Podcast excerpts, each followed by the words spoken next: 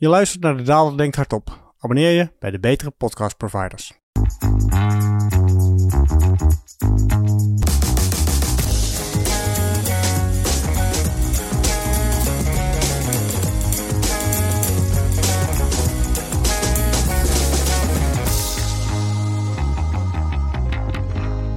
En welkom allemaal weer op de Daalder Denkt Hardop, editie nummer 43, opgenomen op 10 januari in den ochtend. Dus mocht er in de avond iets gebeuren, dan neem ik dat ook niet eens mee in deze podcast. Welkom, dit is de eerste reguliere uitzending. Vorige week hadden we natuurlijk de vakantie-uitzending. Heb je die niet geluisterd, doe dat echt nog eventjes, want ik vond hem zelf erg leuk. Dat was de uitzending samen met de editie daarvoor trouwens. Dus dan hebben we het over edities 42 en 41.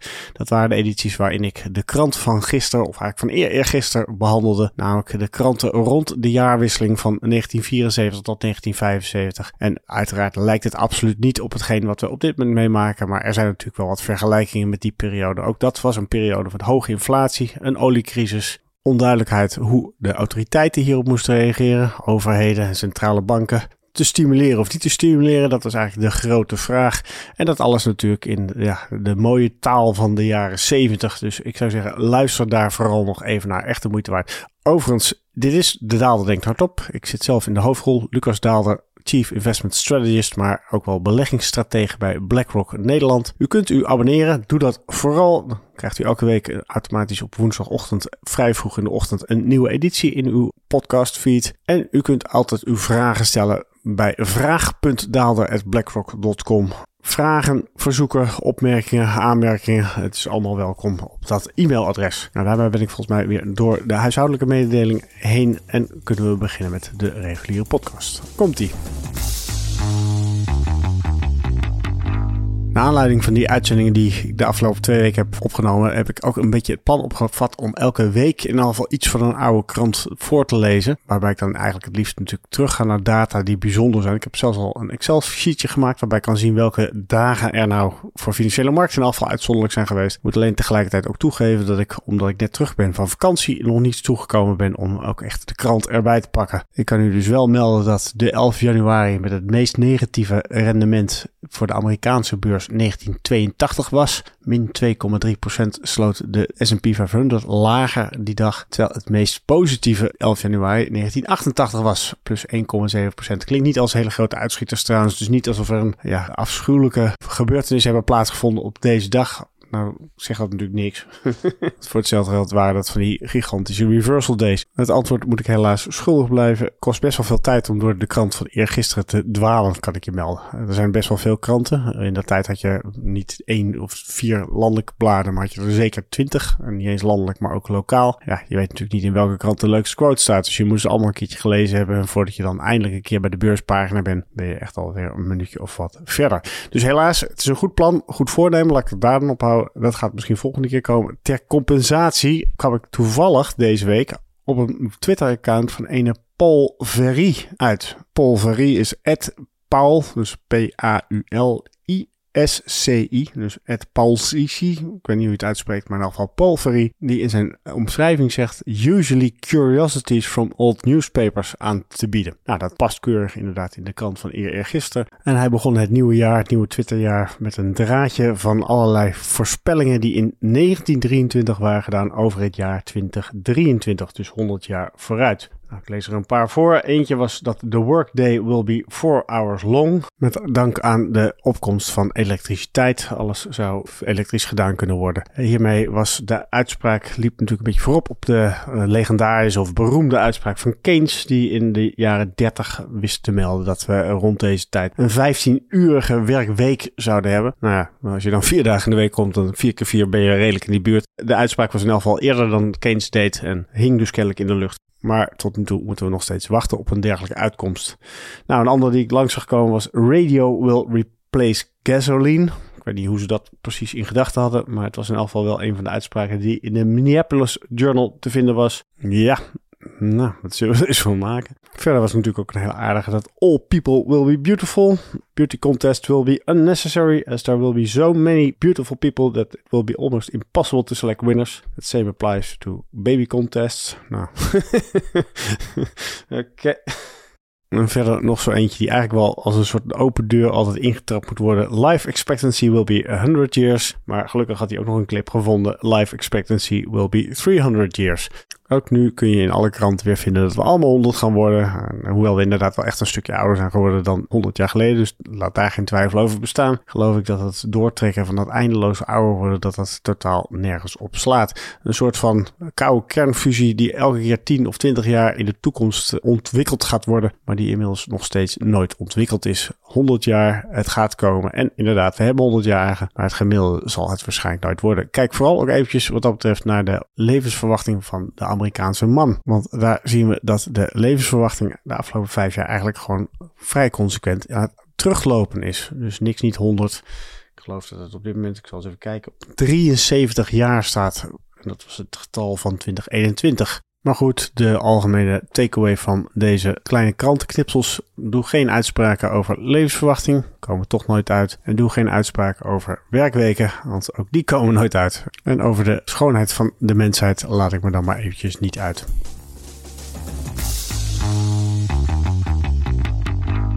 Tot zover het lichte intermezzo. Laten we vooral ook even wat aandacht gaan besteden aan de markten. Want daar gaat het hier in deze podcast toch voornamelijk over. En als je daar naar kijkt, ach, dan lijkt 2023 een heel stuk vrolijker eruit te zien dan 2022 er het gedurende het hele jaar heeft uitgezien. De DAX staat momenteel zo'n 6% in de plus. De Eurostox 50 op 7%. De FTSE 100 3,5% en de S&P 500 1,4%. Allemaal groene cijfers. Kapitaalmarktrentes zijn ook naar beneden, dus ook daar zie je wat positieve signalen. Uh, als je in elk geval rendementen rekent, zie je dat ook daar voor het eerst sinds lange tijd weer eens wat groen op de borden staat. Uiteraard is het allemaal een beetje window dressing. Hè? We hebben het nieuwe jaar zijn we gestart en de teller is op nul gezet. Dus wat dat betreft, als je een maand eerder als startpunt neemt, zie je dat er nog steeds een behoorlijke verliezen zichtbaar zijn. Dus laten we ook vooral niet te veel gaan focussen op wat één week, één handelsweek nou precies heeft opgeleverd. Maar wat in elk geval wel opvalt, is natuurlijk dat groot verschil tussen En Amerika. En dat is niet iets wat alleen maar in de eerste handelsweek van 2023 heeft plaatsgevonden. Dit is een trend die eigenlijk al langer gaande is. Ik heb er mijn column in het Financieel Dagblad van vandaag. En dan hebben we het natuurlijk over 11 januari aangeweid. We zien als je 1 maart als eikpunt neemt, dan zie je dat de Amerikaanse MSCI Total Return Index in dollars ongeveer een verlies van 10% heeft opgeleverd. Terwijl als je de Europese variant had gekocht, dus de eh, MSCI Europe, ex-VK in dit geval, keek je op dit moment tegen een winst aan van 5%.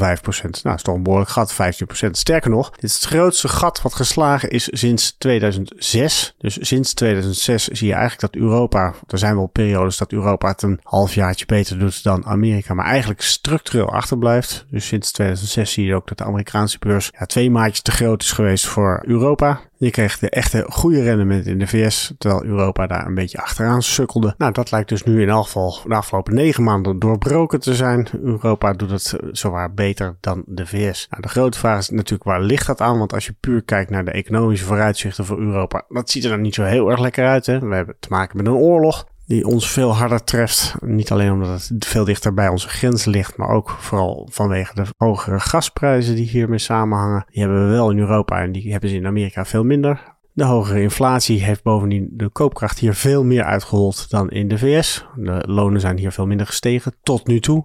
Dus daarmee ligt ook het risico van een tweede order effect in het nieuwe jaar natuurlijk ook duidelijk op de loer. Dus ook dat is niet echt iets waar je heel erg positief over kan zijn. En dan hebben we het natuurlijk nog niet over de spanningen binnen de eurozone zelf, Italië, maar ook net buiten de grens van de eurozone, het VK. Daar loopt het ook niet zo lekker. Dus kortom, de groeivooruitzichten voor Europa zijn nog niet heel erg denderend. Dus van die kant kan je je wel afvragen waarom die Europese outperformance nu juist de afgelopen negen maanden heeft plaatsgevonden. Er zijn daar best wel wat argumenten voor te verzinnen. Hè. Die heb ik ook keurig opgesomd in de column in het Financieel Dagblad. Dus ik zal ze hier ook nog even noemen. Ik denk dat het belangrijk is dat we kijken naar het eikpunt van 1 maart. 1 maart was natuurlijk de eerste week na de inval van Rusland in Oekraïne. Was nog veel onzeker. Er was een hele duidelijke risicopremie werd er ingeprijsd in Europese aandelen. Dus je zag op dat moment dat Europa echt achterbleef bij Amerika. Dus er werd echt een beetje een nieuw dieptepunt neergezet. En dat is de vergelijkingsbasis. Dus uh, ja, er is natuurlijk niet heel veel positiefs te melden over de oorlog. Maar tegelijkertijd de angst dat er een echte escalatie zou plaatsvinden. Dat Rusland met Europa in gevecht zou komen, is eigenlijk ook niet uitgekomen. En dat kan je bijvoorbeeld terugzien in gasprijzen. Gasprijzen de eerste week van maart schoten omhoog. Die tikte eventjes de 300 euro per megawattuur aan. Nou, die hebben we de afgelopen maanden eigenlijk terug zien komen. En we handelen op dit moment rond een niveau van 75 euro per megawattuur. Nou, dat helpt natuurlijk. Je verwacht het ergste, komt niet uit. Nou, dan zie je dat er iets van opluchting ook weer ingeprijsd kan worden. En ik denk dat die gasprijs ook inderdaad de belangrijkste reden is van de relatieve goede performance van de afgelopen weken. Milde winterweer, de nog steeds hoge voorraden die we zien in Europa. Het ziet er heel erg duidelijk naar uit dat we deze winter zonder problemen door zullen komen. En dat is natuurlijk een risicofactor die nu uitgeprijsd wordt. Dat is één. Twee heeft te maken met de sectorsamenstelling, of eigenlijk de samenstelling van de index van de MSCI US versus MSCI Europe. Amerika is natuurlijk te boek als het land met de meeste groeiaandelen. Denk daarbij aan de technologieaandelen die er allemaal zijn. En die zijn afgelopen jaar natuurlijk behoorlijk afgestraft rentegevoeligheid van dit soort bedrijven is, een bedrijfswinst is veel hoger. Met name als het gaat om bedrijven die eigenlijk nog geen winst maken, nog geen cashflow hebben. Ja, je, je, je waardering hangt volledig af van nog niet gerealiseerde winsten ergens in de verre toekomst. Als dan vervolgens je discontovoet omhoog gaat, dan betekent dat die waarde van die ja, niet bestaande winsten nog steeds minder wordt. Met als gevolg dat je ziet dat die koersen ook stevig onderuit zijn gegaan. Nou is dat natuurlijk iets wat niet alleen voor de tech aandelen is. Dat geldt voor de hele beurs. hoeven we ook niet heel erg lang te kijken. 2022 was natuurlijk geen pretje. Dat is ook de reden waarom de aandelenmarkten ook vorig jaar een behoorlijke tik hebben gekregen. Maar de rentegevoeligheid ligt gewoon hoger bij de technologieaandelen. En daar heeft Amerika natuurlijk het afgelopen maanden last van gehad. Het feit dat de Nasdaq zwaar is achtergebleven bij de S&P 500 geeft wel aan hoe gevoelig dat precies is. Nou, Europa heeft die groeiaandelen eigenlijk niet. We hebben geen Google's, Meta's, Alphabets of hoe ze het tegenwoordig ook noemen. Dus wij hebben wat dat betreft geluk gehad met de sectorsamenstelling van ons index. Wat natuurlijk verklaart waarom we het relatief goed hebben gedaan. Het is niet echt een argument vanuit de kracht van Europa. Hè. Dit is dus duidelijk een argument vanuit nou, de kapitaalmarktrente. Dat is een wereldwijd probleem. Dus dit is niet echt uh, dat je zegt van goh, iedereen springt op Europa vanwege eh, de fantastische groeivooruitzichten, de fantastische dynamiek of iets van die geest. Nee, het heeft meer gewoon een technische oorzaak. Dus je kan je ook afvragen in hoeverre dit al lang leven beschoren is. Nou, de derde factor is de dollar. Zoals iedereen wel weet, denk ik, heeft de dollar vorig jaar een behoorlijke rally omhoog laten zien. De waarde van de dollar steeg sterk. Nou, dat betekent dat de concurrentiepositie van Amerikaanse bedrijven onder druk komt. Tegelijkertijd betekent ook dat de winst die Europese bedrijven in Amerika maken, teruggerekend naar euro's, bent u er nog, teruggerekend naar euro's, een behoorlijke boost heeft gekregen. Tenzij ze die winsten natuurlijk hebben afgedekt. Maar ik geloof niet dat er heel veel bedrijven zijn die dat tegenwoordig nog doen. Dus per saldo kan je zeggen dat de rest van de wereld baat heeft bij een sterkere dollar in winsttermen gemeten.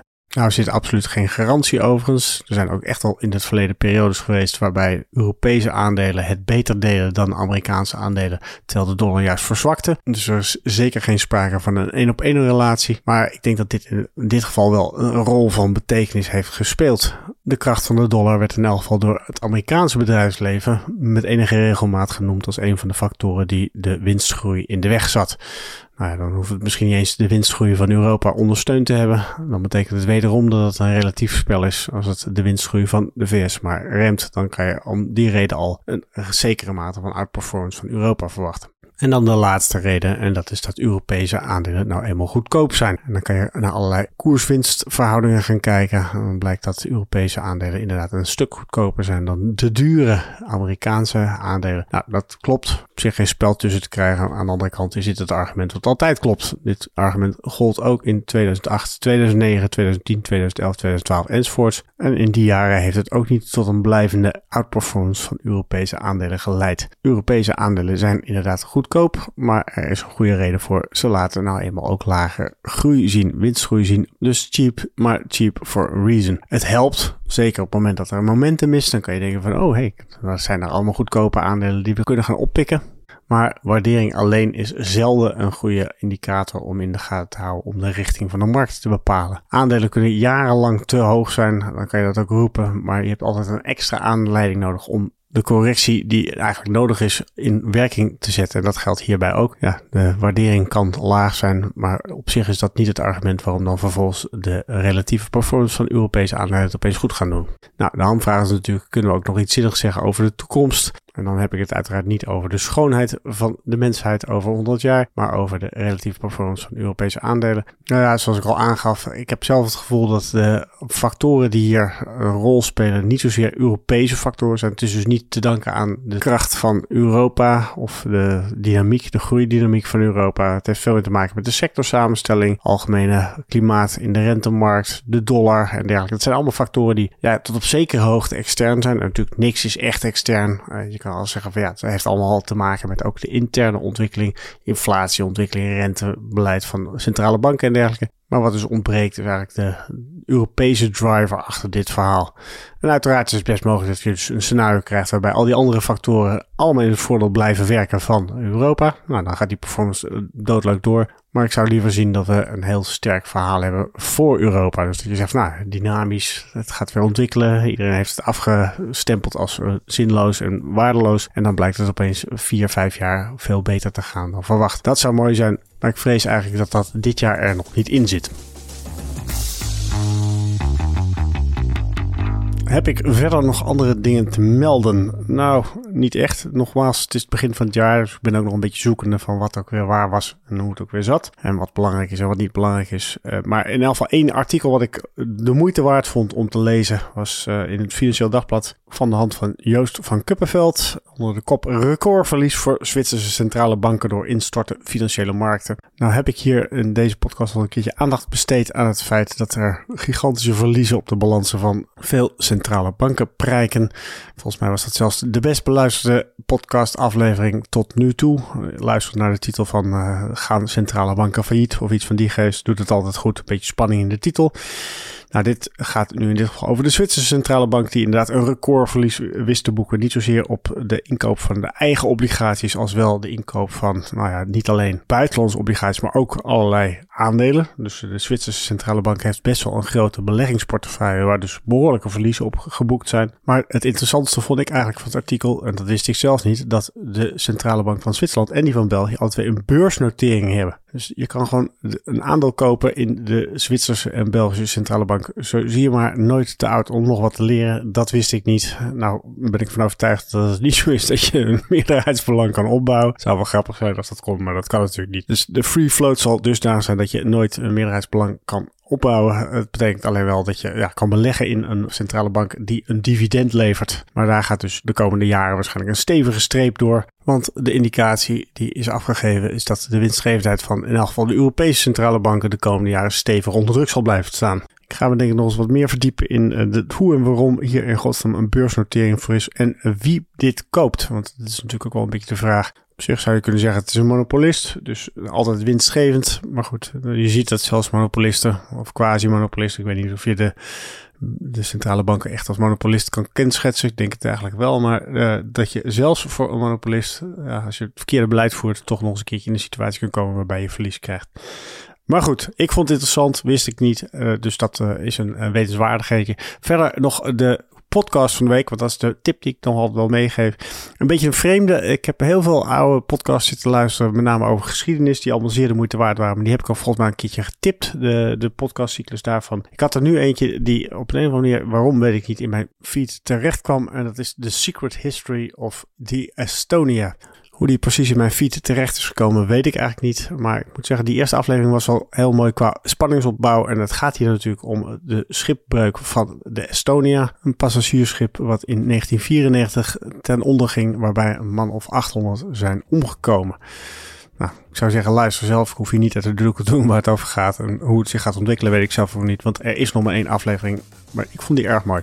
Uh, dus dat is mijn tip. En daarmee kom ik aan het einde van deze podcast. Keurig binnen de tijd. Ik hoop dat jullie uh, volgende week weer gewoon van de partij zullen zijn. Verzeker je daarvan door te abonneren. En dan zie ik jullie gewoon volgende week rond dezelfde tijd op deze plek. Oké, bedankt.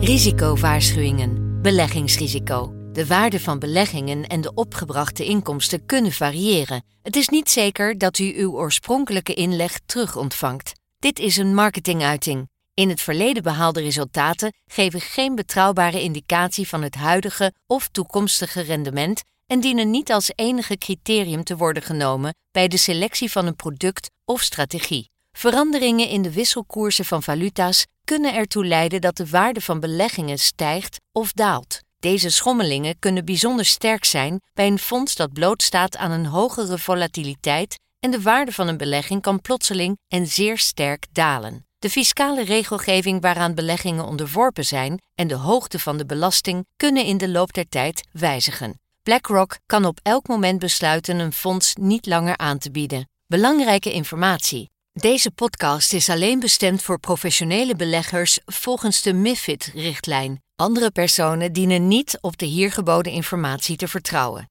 Deze podcast is uitgegeven door BlackRock Netherlands BV, dat een vergunning heeft verkregen en onder toezicht staat van de Nederlandse Autoriteit Financiële Markten. Officiële zetel Amstelplein 1 1096 HA Amsterdam. Telefoonnummer 020 549 5200. Ingeschreven in het handelsregister onder nummer 170